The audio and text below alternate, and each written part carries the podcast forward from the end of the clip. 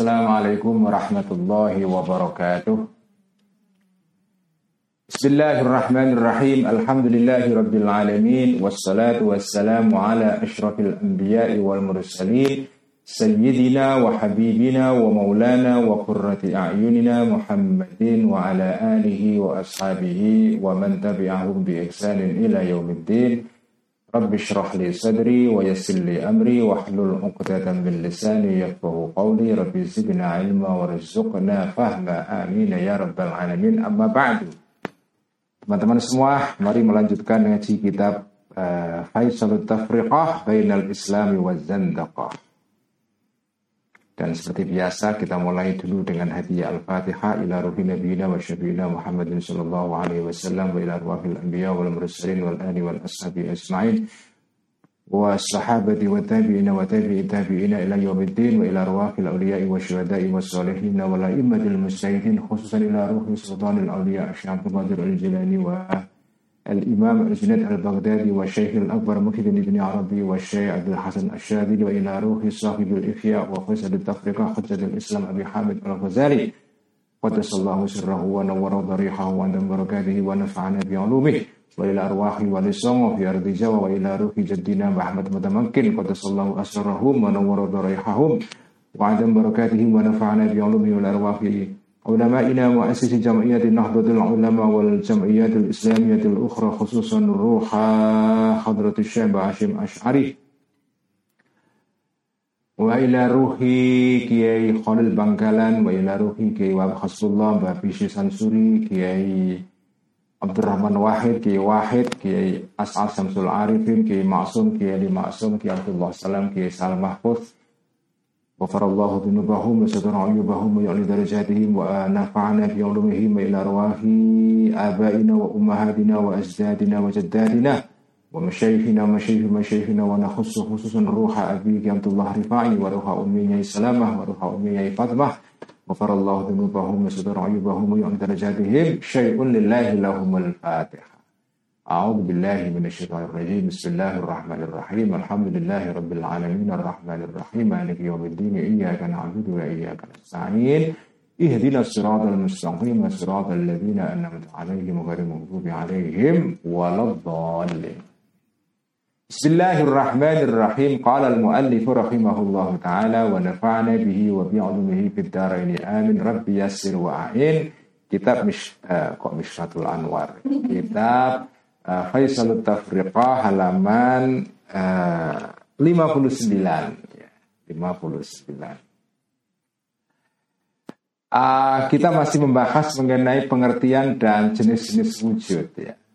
Kenapa kita membahas wujud di sini, membahas sesuatu yang apa ya mungkin kelihatannya nggak ada kaitan dengan masalah definisi kafir dan iman, tapi ini kaitannya erat. Wujud atau ada atau being dalam bahasa Inggris ya. Uh, itu penting untuk diketahui karena ini terkait dengan konsepsi Al Ghazali mengenai definisi iman dan kafir ya. Iman kan diterangkan kemarin. Iman artinya percaya kepada segala yang dibawa oleh kanjeng Nabi dikabarkan diajarkan oleh kanjeng Nabi. Kafir berarti kafir dalam pengertian orang Islam ini loh ya. Jadi kita ya ya ini ini kebutuhan untuk mendefinisikan iman di dalam konteks eh, internal umat Islam ya. Jadi kalau dalam konsepsi orang Islam yang disebut kafir ya orang yang tidak percaya kepada apa yang dikabarkan oleh kanji Nabi ya. Uh, jadi nggak percaya. Nah, yang disebut percaya atau tasdik ya. Tasdik itu apa? tasdik itu artinya adalah kita mempercayai bahwa apa yang dikabarkan kanjeng Nabi itu ada beneran ada. Nah ini kata ada ini. Ada itu apa? kita kan nggak nggak pernah mikir atau mikir juga jarang-jarang. Kalaupun pernah mikir mungkin juga nggak sampai di sini. Uh, jadi kita diajak mikir mengenai soal ada. Ada. Ada itu apa dan apa jenis-jenisnya. Nah pembahasan mengenai ada ini wujud atau maujud ya itu biasanya menjadi bagian dalam cabang filsafat yang disebut dengan ontologi ilmu tentang yang ada al-mawjud ya. Al-mawjud. Kalau di dalam filsafat Islam itu ya banyak dibahas dalam karya-karyanya Ibnu Sina ya. Atau kalau teman-teman yang akrab dengan karyanya uh, Sayyid At-Tabatabai ya, itu dari Iran, filsuf besar Iran yang menulis tafsir yang tebal sekali Al-Mizan itu dia nulis dua buku yang yang sangat penting mengenai soal wujud ini, soal ontologi dan menarik banget. Yang pertama adalah Bidayatul Hikmah, yang kedua adalah Nihayatul Hikmah. Dua buku ini karangan uh, Sayyid At-Tabatabai, seorang ulama uh, Syiah dari Iran yang sangat uh, dikenal sebagai juga ahli dalam bidang filsafat ya Bukunya menarik sekali. Bukunya ini merupakan ringkasan dan sistematisasi terhadap bukunya Mullah Sadra, yaitu uh, Al-Asarul Arba, Al-Hikmah Al-Muta'aliyah, Fil Asaril Arba. Tetapi apa yang ditulis oleh Mullah Sadra, oleh Asyid atau Taba itu ya kelanjutan dari pembicaraan yang sudah pernah dilakukan, pembahasan yang pernah di ditulis ya oleh para ulama hikmah ya al hukama dalam pengertian ahli hikmah itu ahli filsafat dalam pengertian Islam ya dulu. Filsafat disebut dengan hikmah Nah itu sudah dibahas oleh Ibnu Sina, oleh Imam Fakhruddin Ar-Razi, seorang ulama Sunni Ash'ari juga ya, yang menulis juga banyak mengenai soal al-wujud ini di dalam uh, syarahnya terhadap apa ya arahnya terhadap uh, karyanya Ibnu Sina yaitu uh, karyanya Ibnu Sina yang berjudul uh, Al-Isyarat wa Tambihat Al-Isyarat wa Tambihat ini semua saya sebutkan untuk menunjukkan bahwa filsafat itu bagian yang sah dari uh, peradaban Islam filsafat itu sebagian yang sah dari peradaban Islam dan itu ilmu yang dipelajari oleh ulama juga. Ada ulama yang tidak setuju ya. Ya tidak apa-apa, tidak setuju. Al-Ghazali sendiri juga ada bagian-bagian dalam filsafat yang beliau nggak setuju dan dikritik ya. Tetapi Al-Ghazali sendiri itu juga menulis mengenai filsafat, filsafat di dalam pandangannya beliau. Nah dalam kitab ini ketika beliau membahas soal al-wujud ini, ini sebetulnya ini ini adalah pembicaraan soal filsafat. Ini adalah uh, al al-falsafi. Ini tema filsafat. Nah, ini semua saya katakan untuk menepis ya. Sekali lagi saya ingin menepis persepsi bahwa Al-Ghazali itu membunuh filsafat. Nah, itu itu itu salah itu salah, persepsi yang keliru sekeliru-kelirunya. Karena Al-Ghazali tidak membunuh filsafat. Beliau mengkritik filsafat. Dan para filosof itu juga saling mengkritik satu yang lain ya. Misalnya madhab Frankfurt yang terkenal dari Jerman itu yang salah satunya salah satu tokohnya masih hidup sampai sekarang ini namanya Jürgen Habermas itu sangat populer dulu tahun-tahun 80-an, 90-an waktu saya masih waktu saya masih muda. Ya, sekarang juga masih muda juga ya, agak lah ya. ah, itu filsafat apa mazhab Frankfurt itu mazhab dalam filsafat yang lahir di Jerman pada tahun 30-an ya. atau lebih awal dari itu dan ya dia mazhab Frankfurt juga mengkritik mazhab filsafat yang lain mazhab filsafat tradisional Nah, Imam Ghazali mengkritik tradisi filsafat yang dia nggak setuju, tetapi beliau sendiri berfilsafat. Jadi sama lah ya. Misalnya apa filsuf-filsuf barat modern itu kan ya banyak itu saling kritik satu terhadap yang lain. Madhab baru lahir mengkritik madhab yang lama. Nah, ini sama juga Al-Ghazali mengkritik filsafatnya Ibnu Sina. Ya falsafat falsafah itu hidup dengan cara perdebatan seperti ini. Jadi ketika Al-Ghazali membahas mengenai soal al-wujud di sini sebetulnya beliau sedang membahas tema filsafat yang disebut sebagai uh, ontologi, ilmu wujud ya. Atau disebut sebagai dalam istilahnya Mullah Sadra itu al-hikmah al-muta'aliyah. Hikmah yang tertinggi itu hikmah yang tertinggi, filsafat yang tertinggi itu filsafat yang membahas mengenai soal wujud bima huwa maujud ya. Wujud sebagai wujud itu sendiri.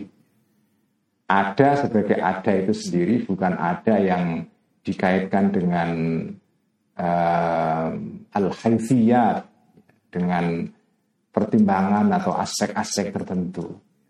Karena ada yang dikaitkan dengan al-haifiyat dengan pertimbangan tertentu itu tidak menjadi pembahasan di dalam uh, uh, filsafat pertama atau al-hikmah al-muta'aliyah atau ontologi. Misalnya pembahasan mengenai soal fisika. Fisika. Ya kan? Fisika itu juga sama membahas sesuatu membahas tentang ada, tentang wujud, tetapi wujud sebagai al-wujud sebagai al-kam atau ya al-kam, wujud sebagai sesuatu yang yang ada ada bilangannya, ada apa ya, ada kuantitasnya. Misalnya ya kan fisika membahas soal materi, soal apa macam-macam lah ya. Kalau filsafat apa itu uh, material atau fisika material ya fisika yang membahas mengenai jenis-jenis materi besi, baja, apa aluminium, uh, macam-macam itu kan semua fisika material. Nanti ada fisika yang terkait dengan masalah benda-benda di langit jadi astronom. Itu juga sama pembahasan mengenai sesuatu yang wujud. Tapi wujud sebagai sesuatu yang kami, sebagai sesuatu yang kuantitatif. Yang bisa dihitung itu loh, satu, dua, tiga, dan seterusnya. Misalnya ilmu politik itu juga membahas tentang sesuatu yang ada tapi sesuatu yang ada dikaitkan dengan cara manusia mengatur masyarakat. Ilmu politik. Sejarah juga sama, ilmu tentang yang ada, tetapi ada dalam pengertian peristiwa-peristiwa masa lampau dalam kehidupan manusia. Sejarah. Jadi semua ilmu sebetulnya membahas tentang yang ada, tetapi bukan ada yang secara umum, yaitu al-mawjud, istilahnya istilahnya Mullah Sadra itu al maujud bima huwa maujud atau istilahnya Ibnu Sina itu ya. Al maujud bima huwa maujud wujud sebagai wujud itu sendiri.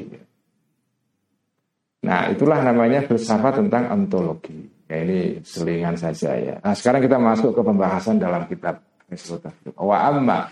Kemarin kita sudah membahas mengenai dua jenis wujud ya. Wujud zati dan wujud hissi sekarang kita bahas wa ammal wujudul khayali.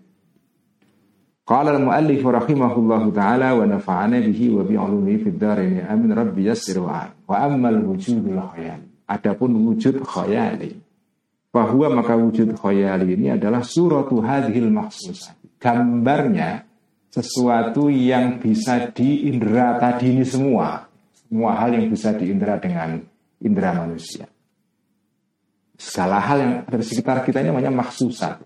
Maksusat. Sesuatu yang bisa diindra. Idza ghabat ketika hilang al maksusat ini an dari indera kamu. Jadi misalnya kacamata saya ini ya, ini kalau saya letakkan di depan mata saya, saya melihat kacamata ini. Nah, kacamata ini namanya al-wujud dzati. Wujud dzati karena dia ada jumblegernya, ada barangnya di depan saya, terpisah dari pikiran saya. Ini namanya wujudun kharijiyun, ya, wujud di luar, di luar kesadaran saya. Saya mau tidur, mau pura-pura merem, ya tetap saja ini ada barang ini. Nah, kemudian kaca kacamata ini kalau saya singkirkan dari depan saya, memang saya tidak melihat lagi kacamata saya ini tapi gambar kacamata saya ini tercetak di dalam khoyal, di dalam memori. Di dalam otak kita ini ada kayak semacam internal hard disk gitu. yang menyimpan memori. Nah wujud di dalam memori itu namanya al-wujudul khayali. Wujud yang di dalam memori kita itu ada juga. Jadi yang disebut ada itu tidak sekedar ada barangnya, jumlegernya secara material di luar itu enggak. Ya ini salah satu jenis wujud. Tetapi ada jenis wujud yang lain, al-wujudul hissi, kemarin diterangkan. Orang tidur mimpi melihat sesuatu. Yang lihat diri dia sendiri, yang orang lain nggak lihat. Itu namanya ada juga. Itu itu benar ada, itu al-wujud Tapi itu wujud secara hissi, wujud yang dilihat oleh indra tok, tetapi tidak ada di luar. Tidak ada zatnya. Nah, wujud khayali itu juga wujud, itu ada juga ya. Jadi jangan beranggapan bahwa yang ada itu ya sesuatu yang secara material dan secara fisik ada bendanya. Itu itu bukan itu saja.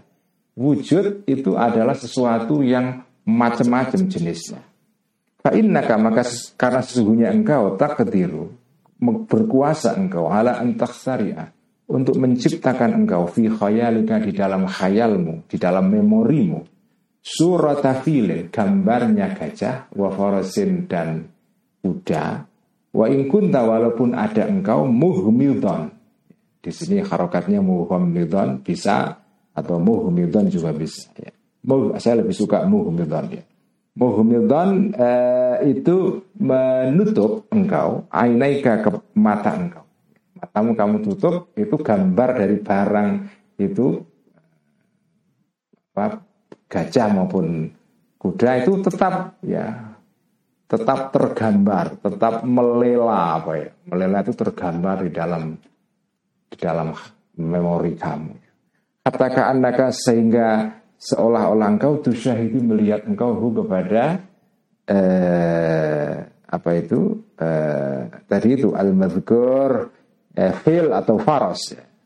gajah atau kuda tadi itu wahua sementara ya, sebelah halia ini wahua sementara eh, gajah atau kuda tadi itu maujudun itu ada sesuatu yang ada Bikamali surati dengan keseluruhan, dengan sempurnanya gambarnya eh, gajah ataupun kuda tadi itu, ya, fidimahika di dalam otakmu.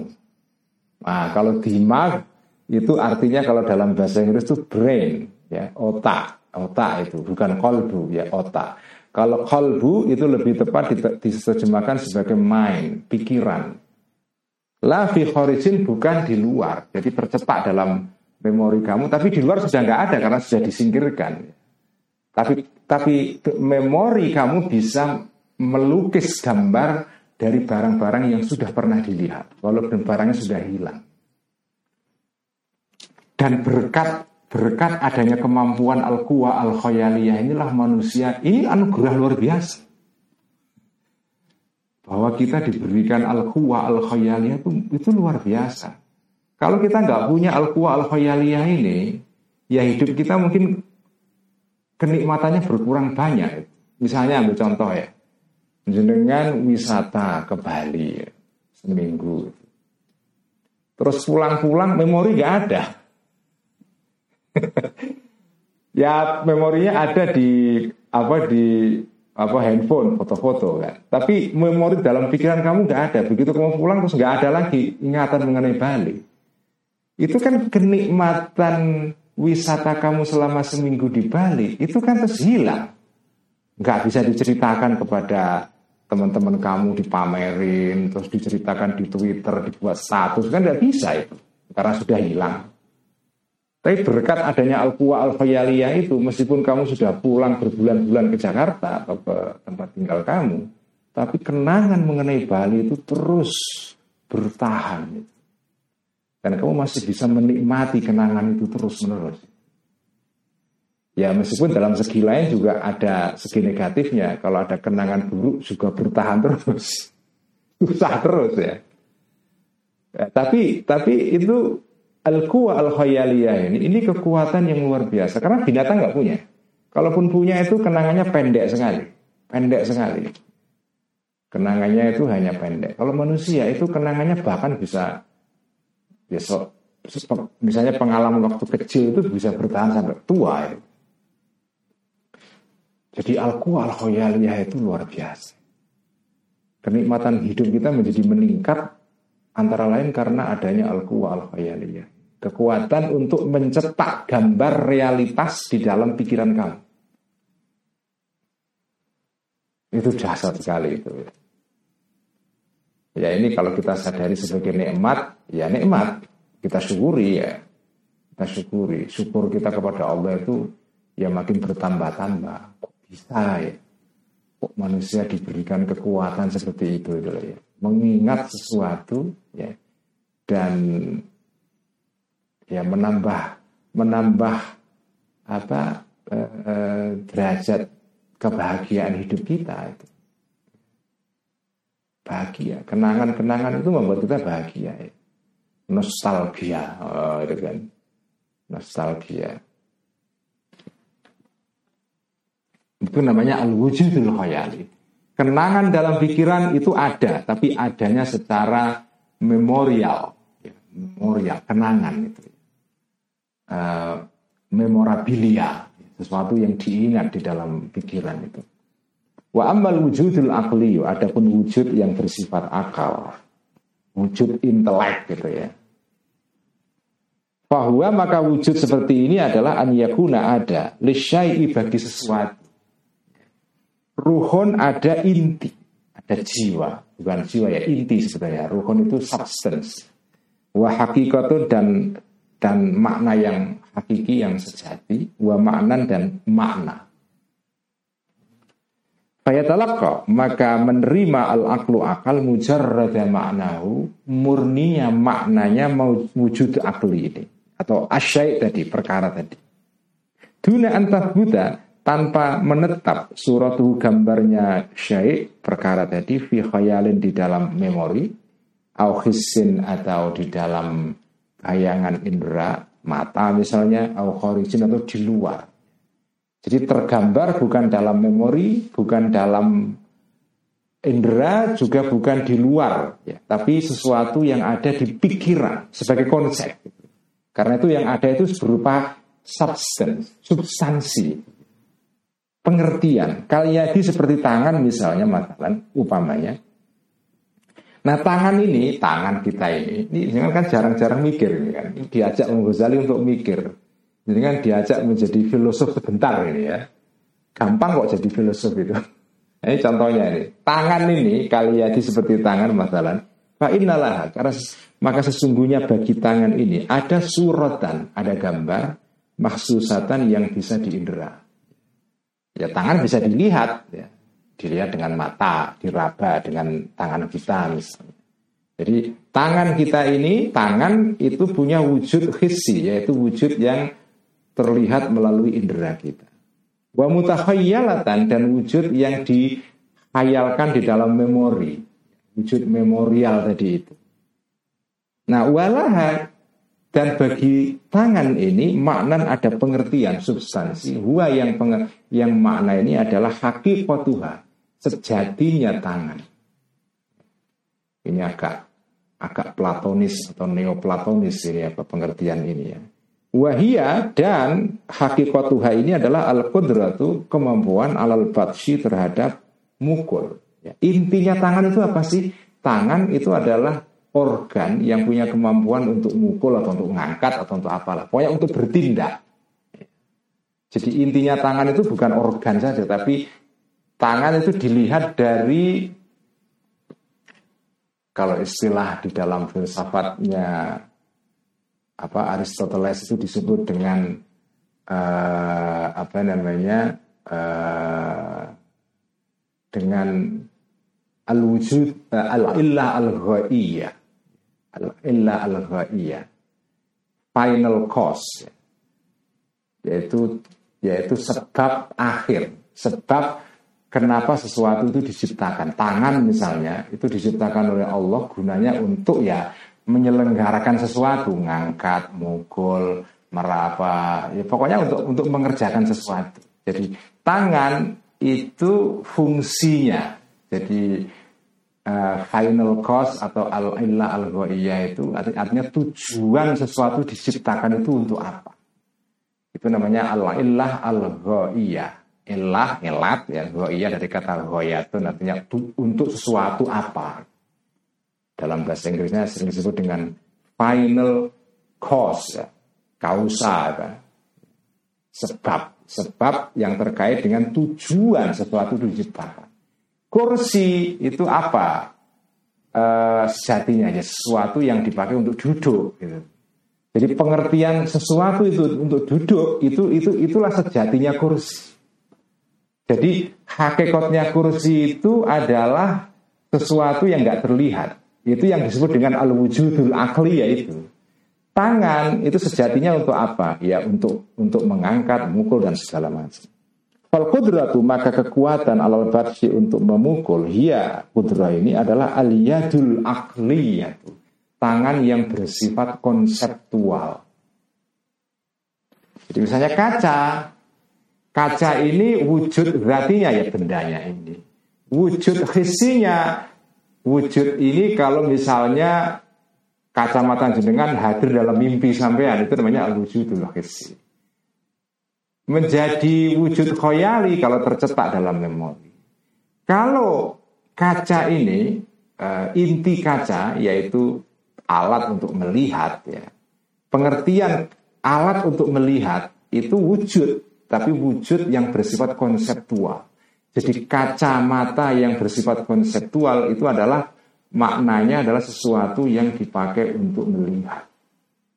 Membantu melihat. Jadi pengertian itu itu namanya wujud akli. Ya termasuk wujud akli itu misalnya angka-angka itu dalam matematika itu satu dua tiga empat lima angka-angka itu. Itu itu kan misalnya angka satu. Angka satu itu kan tidak ada wujudnya. Nggak bisa jenengan lihat karena nggak ada wujud zatinya. Tidak bisa jenengan bayangkan dalam mimpi, ya nggak bisa juga karena nggak ada wujud zatinya juga tidak bisa dibayangkan dalam memori karena angka satu itu konsep. Misalnya kacamata satu ya ini kacamata satu itu kacamata tapi angka satu itu bukan kaca. Angka satu itu bukan kaca itu sendiri walaupun kaca ini jumlahnya satu. Kitab ini ini jumlahnya satu satu jilid tetapi angka satu bukan kitab ini. Kitab ini ya ya wujudnya benda ini. Tapi angka satu itu bukan identik dengan benda ini. Angka satu itu sesuatu yang tercetak dalam memori kita. Nah, angka satu itu ada, tetapi adanya dalam pikiran. Wujudnya bersifat konseptual. Itu yang disebut al-wujudul akli. Walul kalam dan bagi pena suratun juga ada gambar. Walakin hakikatu tetapi hakikatnya sejatinya pena itu ma pena itu ada gambarnya ada wujudnya juga. Pena ini kan pena kan. Ballpoint ini lah bukan pena ya. Ya pena ini. Eh, ini ada wujud zatinya ada wujud hisinya ada wujud khoyalinya. Tetapi juga ada wujud aklinya.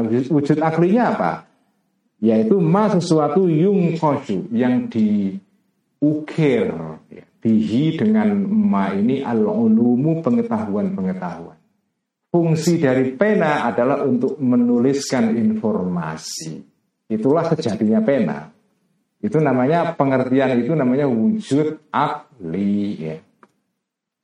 Wahada dan ini yaitu apa Eh, apa mayung kosubiyul ulum ya sejatinya kolam sebagai mayung kosubiyul ulum ya talak menerima hu kepada ma al aklu akal kita.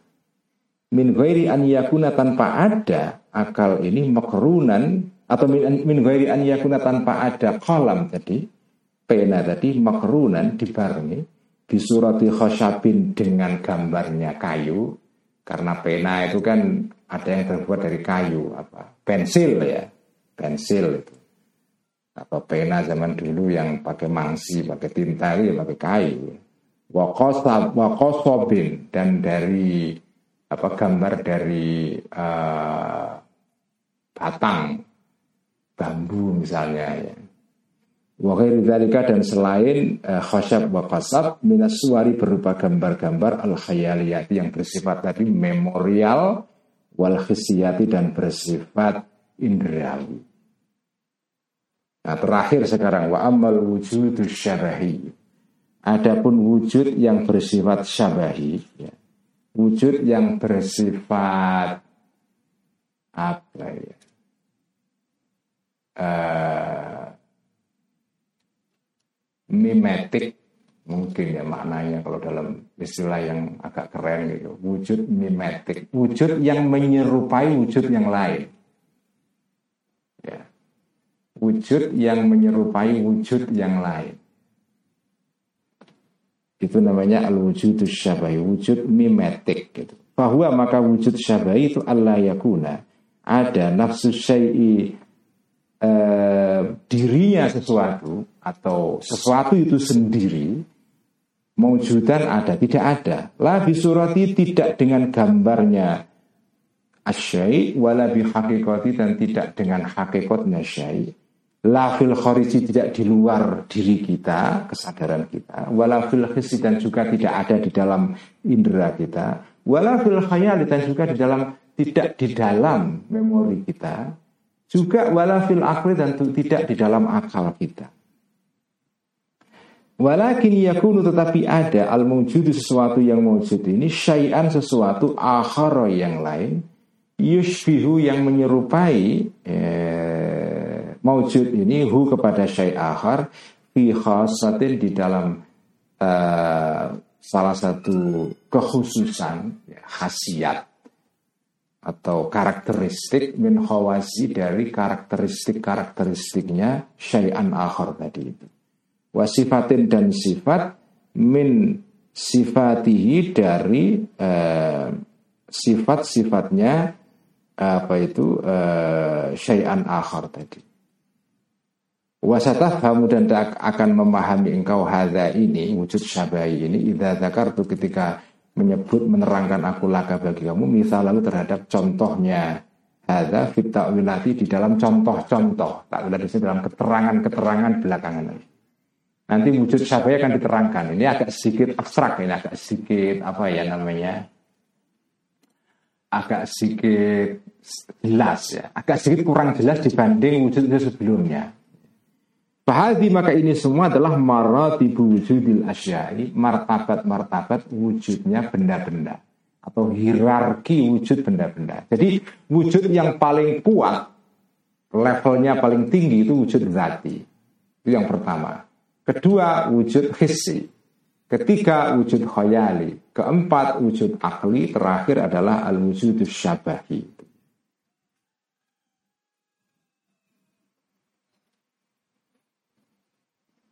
Nah, sekarang kita akan melihat bagaimana aplikasi definisi wujud tadi itu atau keterangan wujud-wujud lima tadi itu di dalam contoh-contoh yang konkret. Faslun ayhada faslun. Ini adalah fasal fitam tili ini bukan dari Al Ghazali ini ya. Ini subjudul ini dari muhakkik atau editor kitab uh, Faisal Fitafsili, jadi ini pembahasan yang dibuat sendiri oleh muhakik kitab ini. Muhakik kitab yang terbit oleh Darul Minhaj ini. Fitamsili di dalam mencontohkan di wujudatil khamsati kepada wujud-wujud yang lima bisyara'iyati dengan contoh-contoh yang bersifat syar'iyat, agama. Bukan dengan contoh-contoh yang sifatnya itu tobiiyat misalnya. Ya kalau tobiiyat sudah jelas, Perkaranya ini kan soal agama. Karena kita ini membahas soal iman dan kafir. Jadi contohnya itu mengaplikasikan wujud itu dengan contoh-contoh yang berkaitan dengan agama. Karena itu nanti yang akan berakibat kalau orang itu tidak mempercayai wujudnya sesuatu itu, dia kafir.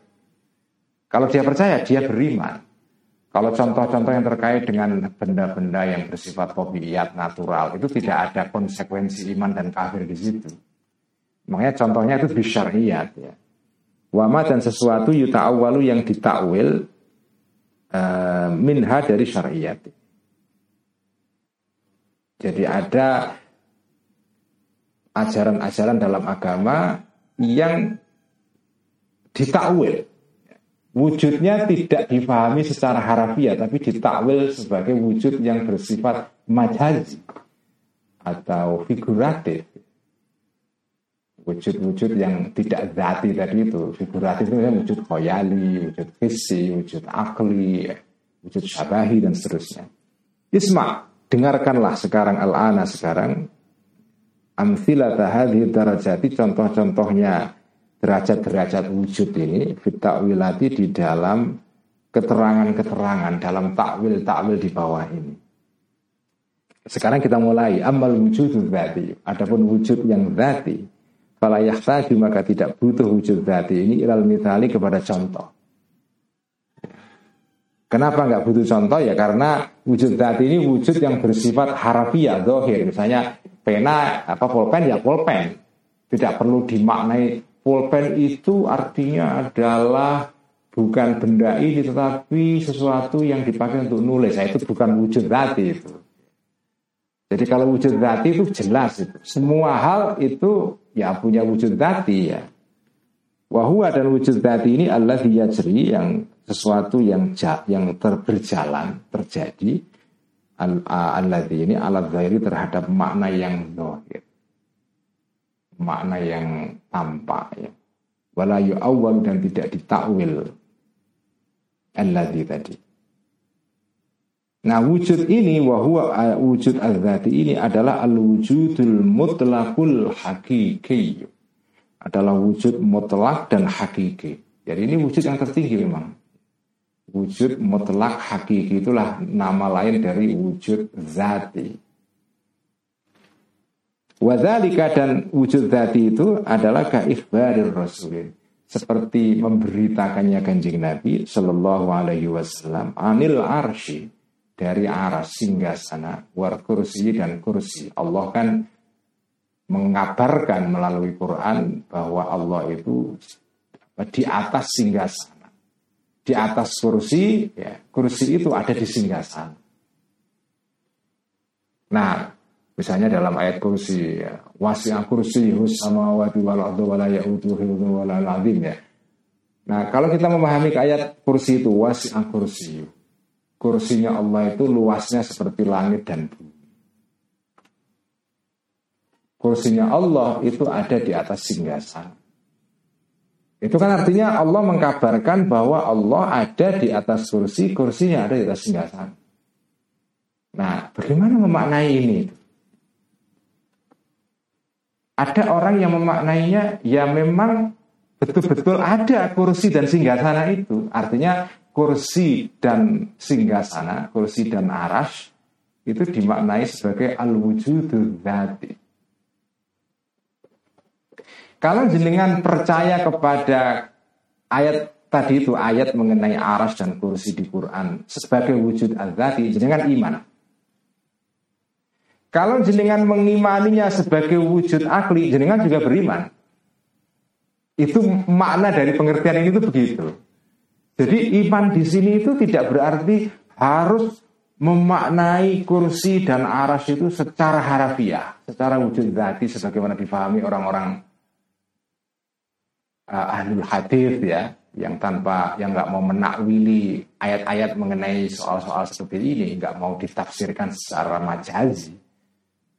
Nah, orang-orang Wahabi misalnya itu kan menganggap orang-orang yang mentakwili ayat mengenai kursi dan arasnya Allah itu dianggap mereka ya tidak percaya kepada sifat Allah. Artinya artinya ya kafir, ya, kafir itu. Makanya mazhab Asy'ari itu kan dikafirkan oleh sebagian kelompok-kelompok Wahabi. Dulu keras sekali mereka kepada kelompok Asy'ari. Sekarang udah mulai berdamai mereka. Apalagi Wahabi dalam perkembangan yang akhir-akhir ini kan karena kebijakan-kebijakan yang berubah drastis di Saudi Arabia jadi ya mereka makin moderat. Ya. Nah itu contohnya begitu. Ya. Contohnya seperti mengkabarkannya kanji Nabi andil arsy wal kursiyi was samawati sam'i dan dan langit yang tujuh. Fa innahu maka sesungguhnya tadi ini ikhbar Rasul itu mujron diberlakukan, dipahami ala zahir terhadap makna zahirnya eh, apa ya tadi ini al arsh dan seterusnya. Karena idhadhi, karena ini semua yaitu aras kursi dan langit-langit yang tujuh tadi itu adalah ajsamun. Adalah jisim-jisim maujudatun yang ada fi anfusya di dalam dirinya. Udrikat yang bisa diindra, diketahui bil dengan indra wal khayali dan memori. Awalam tudrok atau tidak bisa dipahami. Tapi yang jelas sesuatu ini aras, kursi, langit itu sesuatu yang punya wujud pada dirinya sendiri. Ada artinya punya wujud zati itu. Punya wujud zati. Punya wujud zati ya. Jadi contoh wujud zati adalah yaitu tadi itu Kanjeng Nabi mengabarkan Allah itu punya aras, punya kursi ya. Kita mengimaninya secara wujud zati. Tetapi kalau ada yang menakwilkannya secara wujud akli, ya dia tidak bisa dianggap kafir.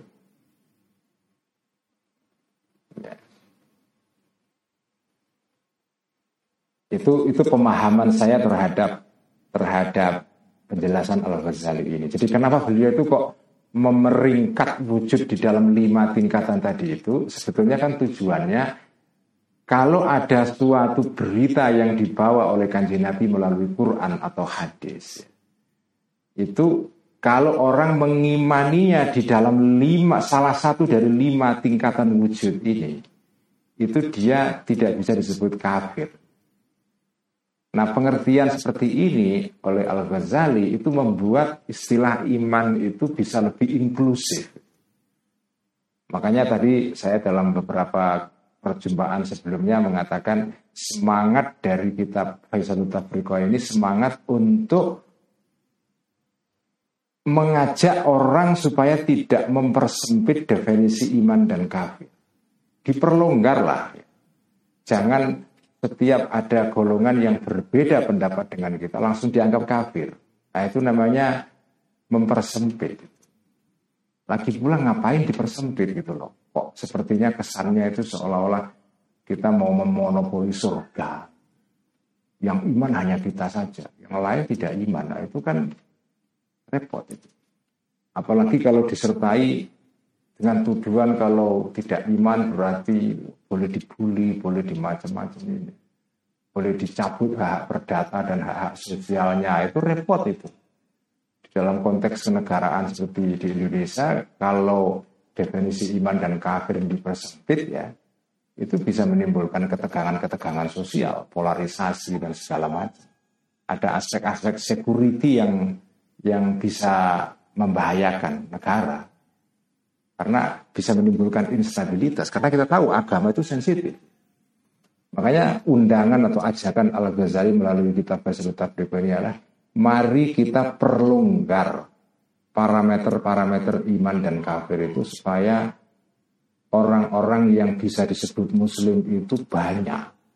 Tidak hanya golongan kita saja tetapi mencakup banyak golongan. Inklusif gitu. Istilahnya inklusif, bukan eksklusif. Jadi semangat kita Faisal Tafriq adalah inklusivitas. Bukan eksklusivisme. Wa amal wujudu adapun wujud al khisi yang bersifat khisi fa amthilatu maka contoh-contohnya wujud khisi fitakwilati di dalam takwil takwil dalam keterangan-keterangan kafiratun itu banyak. Makna maka terimalah engkau minha dari amsilah ini bimisalah ini dengan dua contoh saja. Dikasih dua contoh. Ahaduma.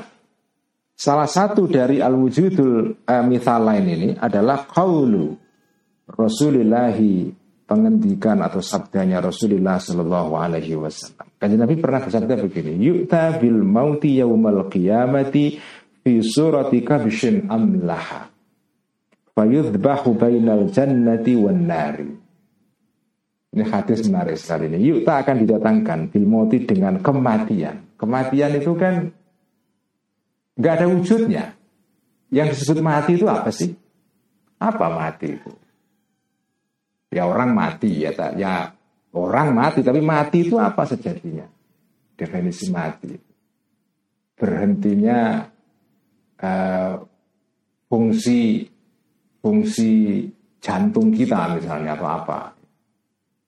Tapi itu kan sesuatu yang abstrak. Jadi mati itu sebenarnya abstrak. Pengertian mati itu ya. Bukan sesuatu yang ada yang bisa dipegang atau dilihat ya. Yang dilihat orang mati, tapi matinya sendiri tidak kelihatan. Karena itu konsep, wujudnya tidak ada wujud zatinya mati itu. Tetapi nanti di hari kiamat, itu mati itu punya wujud zati. Nah ini seperti ini.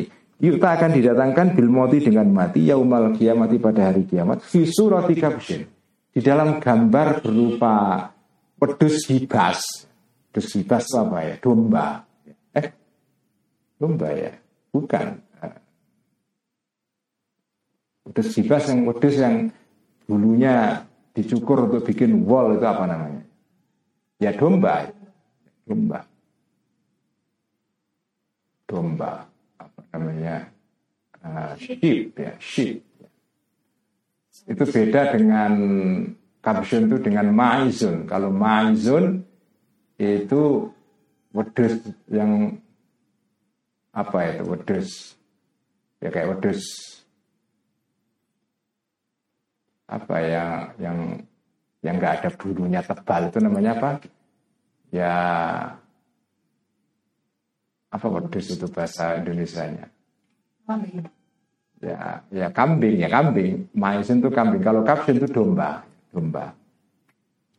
Nah, jadi nanti mati, itu nanti pada hari kiamat didatangkan dalam bentuk kambing eh, domba amlaha yang yang berwarna uh, hitam dan putih kayak sapi itu loh sapi yang perah itu kan kadang-kadang belontang belonteng apa ada ada ada hitam dan putih ya. Amlah itu uh, warna campuran antara uh, apa antara hitam dan putih itu amlah.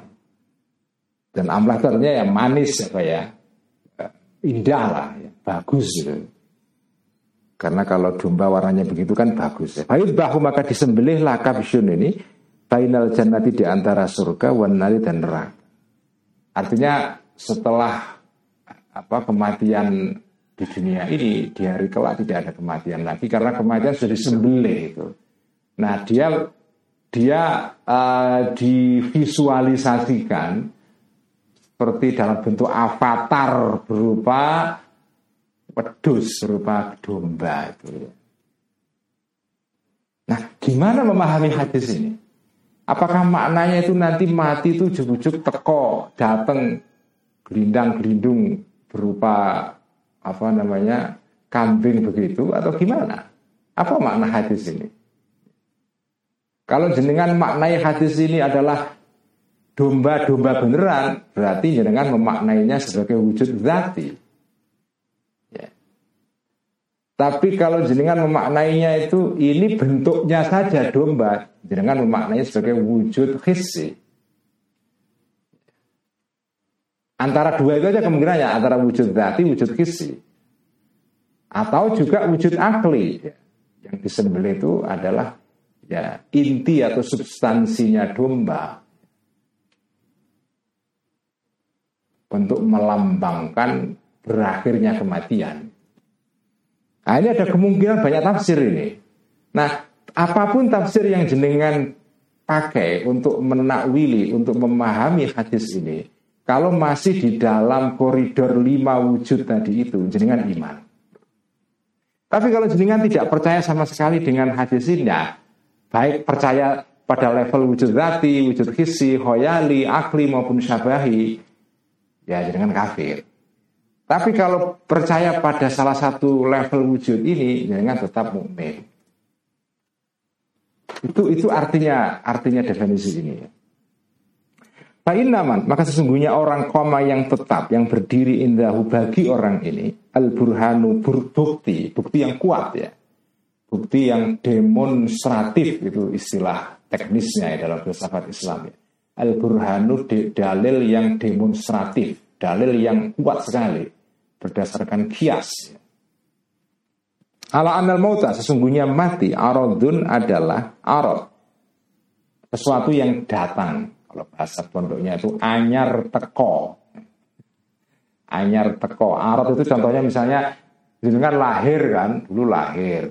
Fisik jenengan pendek. Cuma 60 cm misalnya.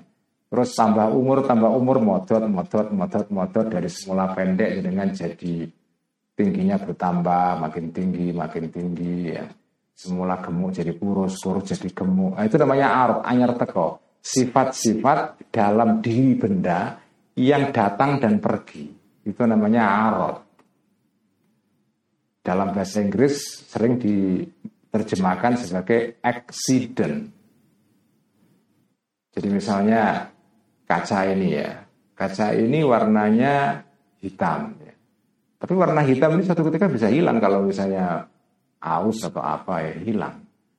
Nah, ini namanya arot. Sesuatu sing anyar teko. Semula nggak ada ada, semula ada nggak ada. Pohon semula daunnya rimbun tiba-tiba rontok. Semula rontok rimbun lagi. Ya, itu namanya anyar teko. Jadi sifat-sifat yang ada pada suatu benda tapi tidak permanen. Tidak sifat yang intrinsik dalam benda itu. Itu namanya arot. Nah, kalau ada orang berpendapat bahwa mati itu adalah arodun, sesuatu yang anyar teko karena orang dunia hidup mati, itu namanya arot, accident itu. Au ada mu'arodin atau bukan arot.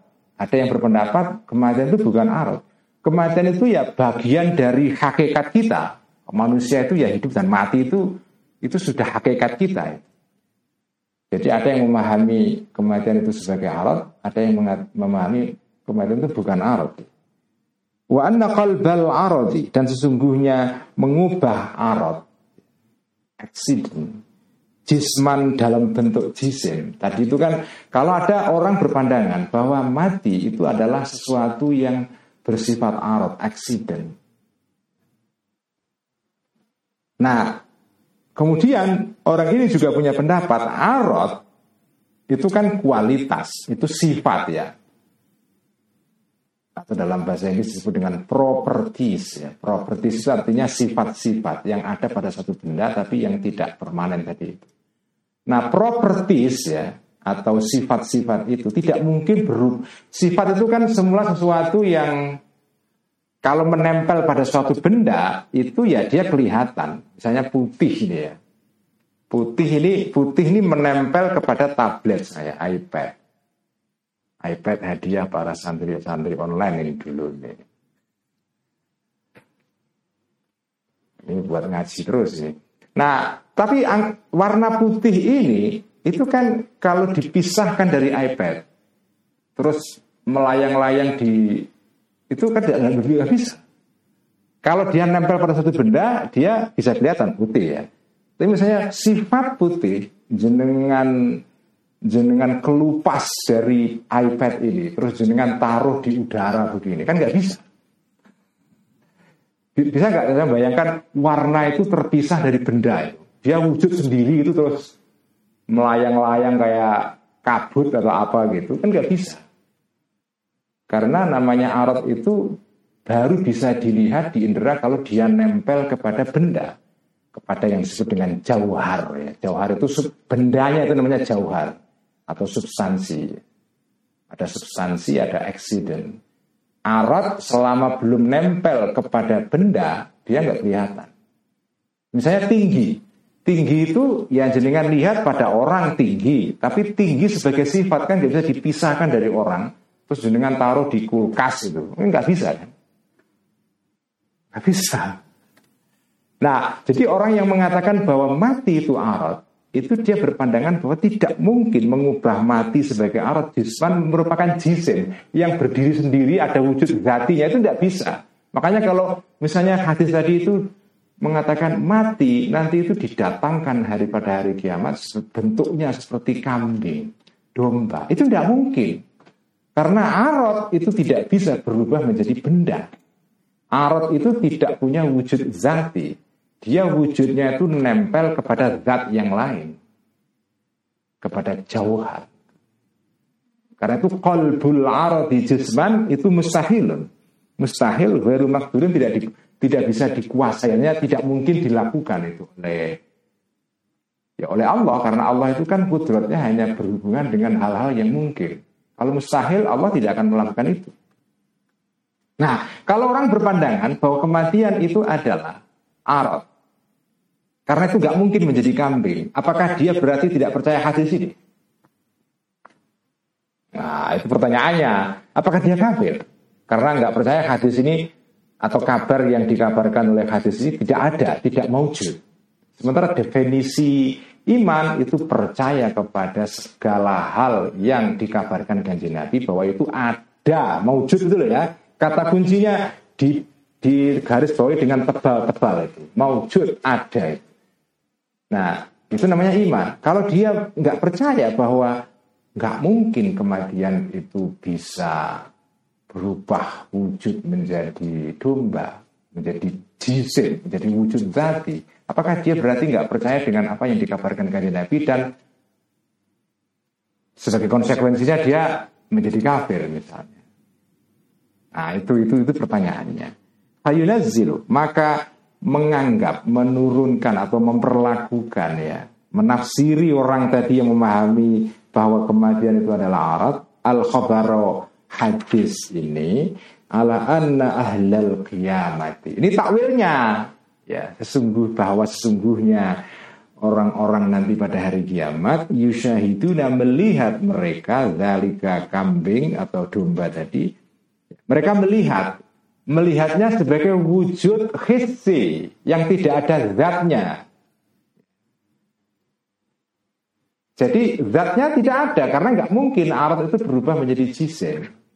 Jadi orang-orang yang punya punya doktrin, punya teori bahwa arat tidak mungkin menjadi jisim, mereka memahami Hadis ini adalah nanti orang-orang itu pada hari kiamat melihat kematian itu dalam gambarnya domba. Tapi dombanya tidak ada dalam wujud yang nyata. Cuma mereka melihat seperti orang tidur melihat mimpi. Tidak ada wujud zatinya. Itu takwil dia. Takwil ini itu baik diterima nggak apa-apa karena dia masih percaya bahwa sesuatu yang dikabarkan ke Nabi itu ada. Cuma adanya pada level wujud fisik itu.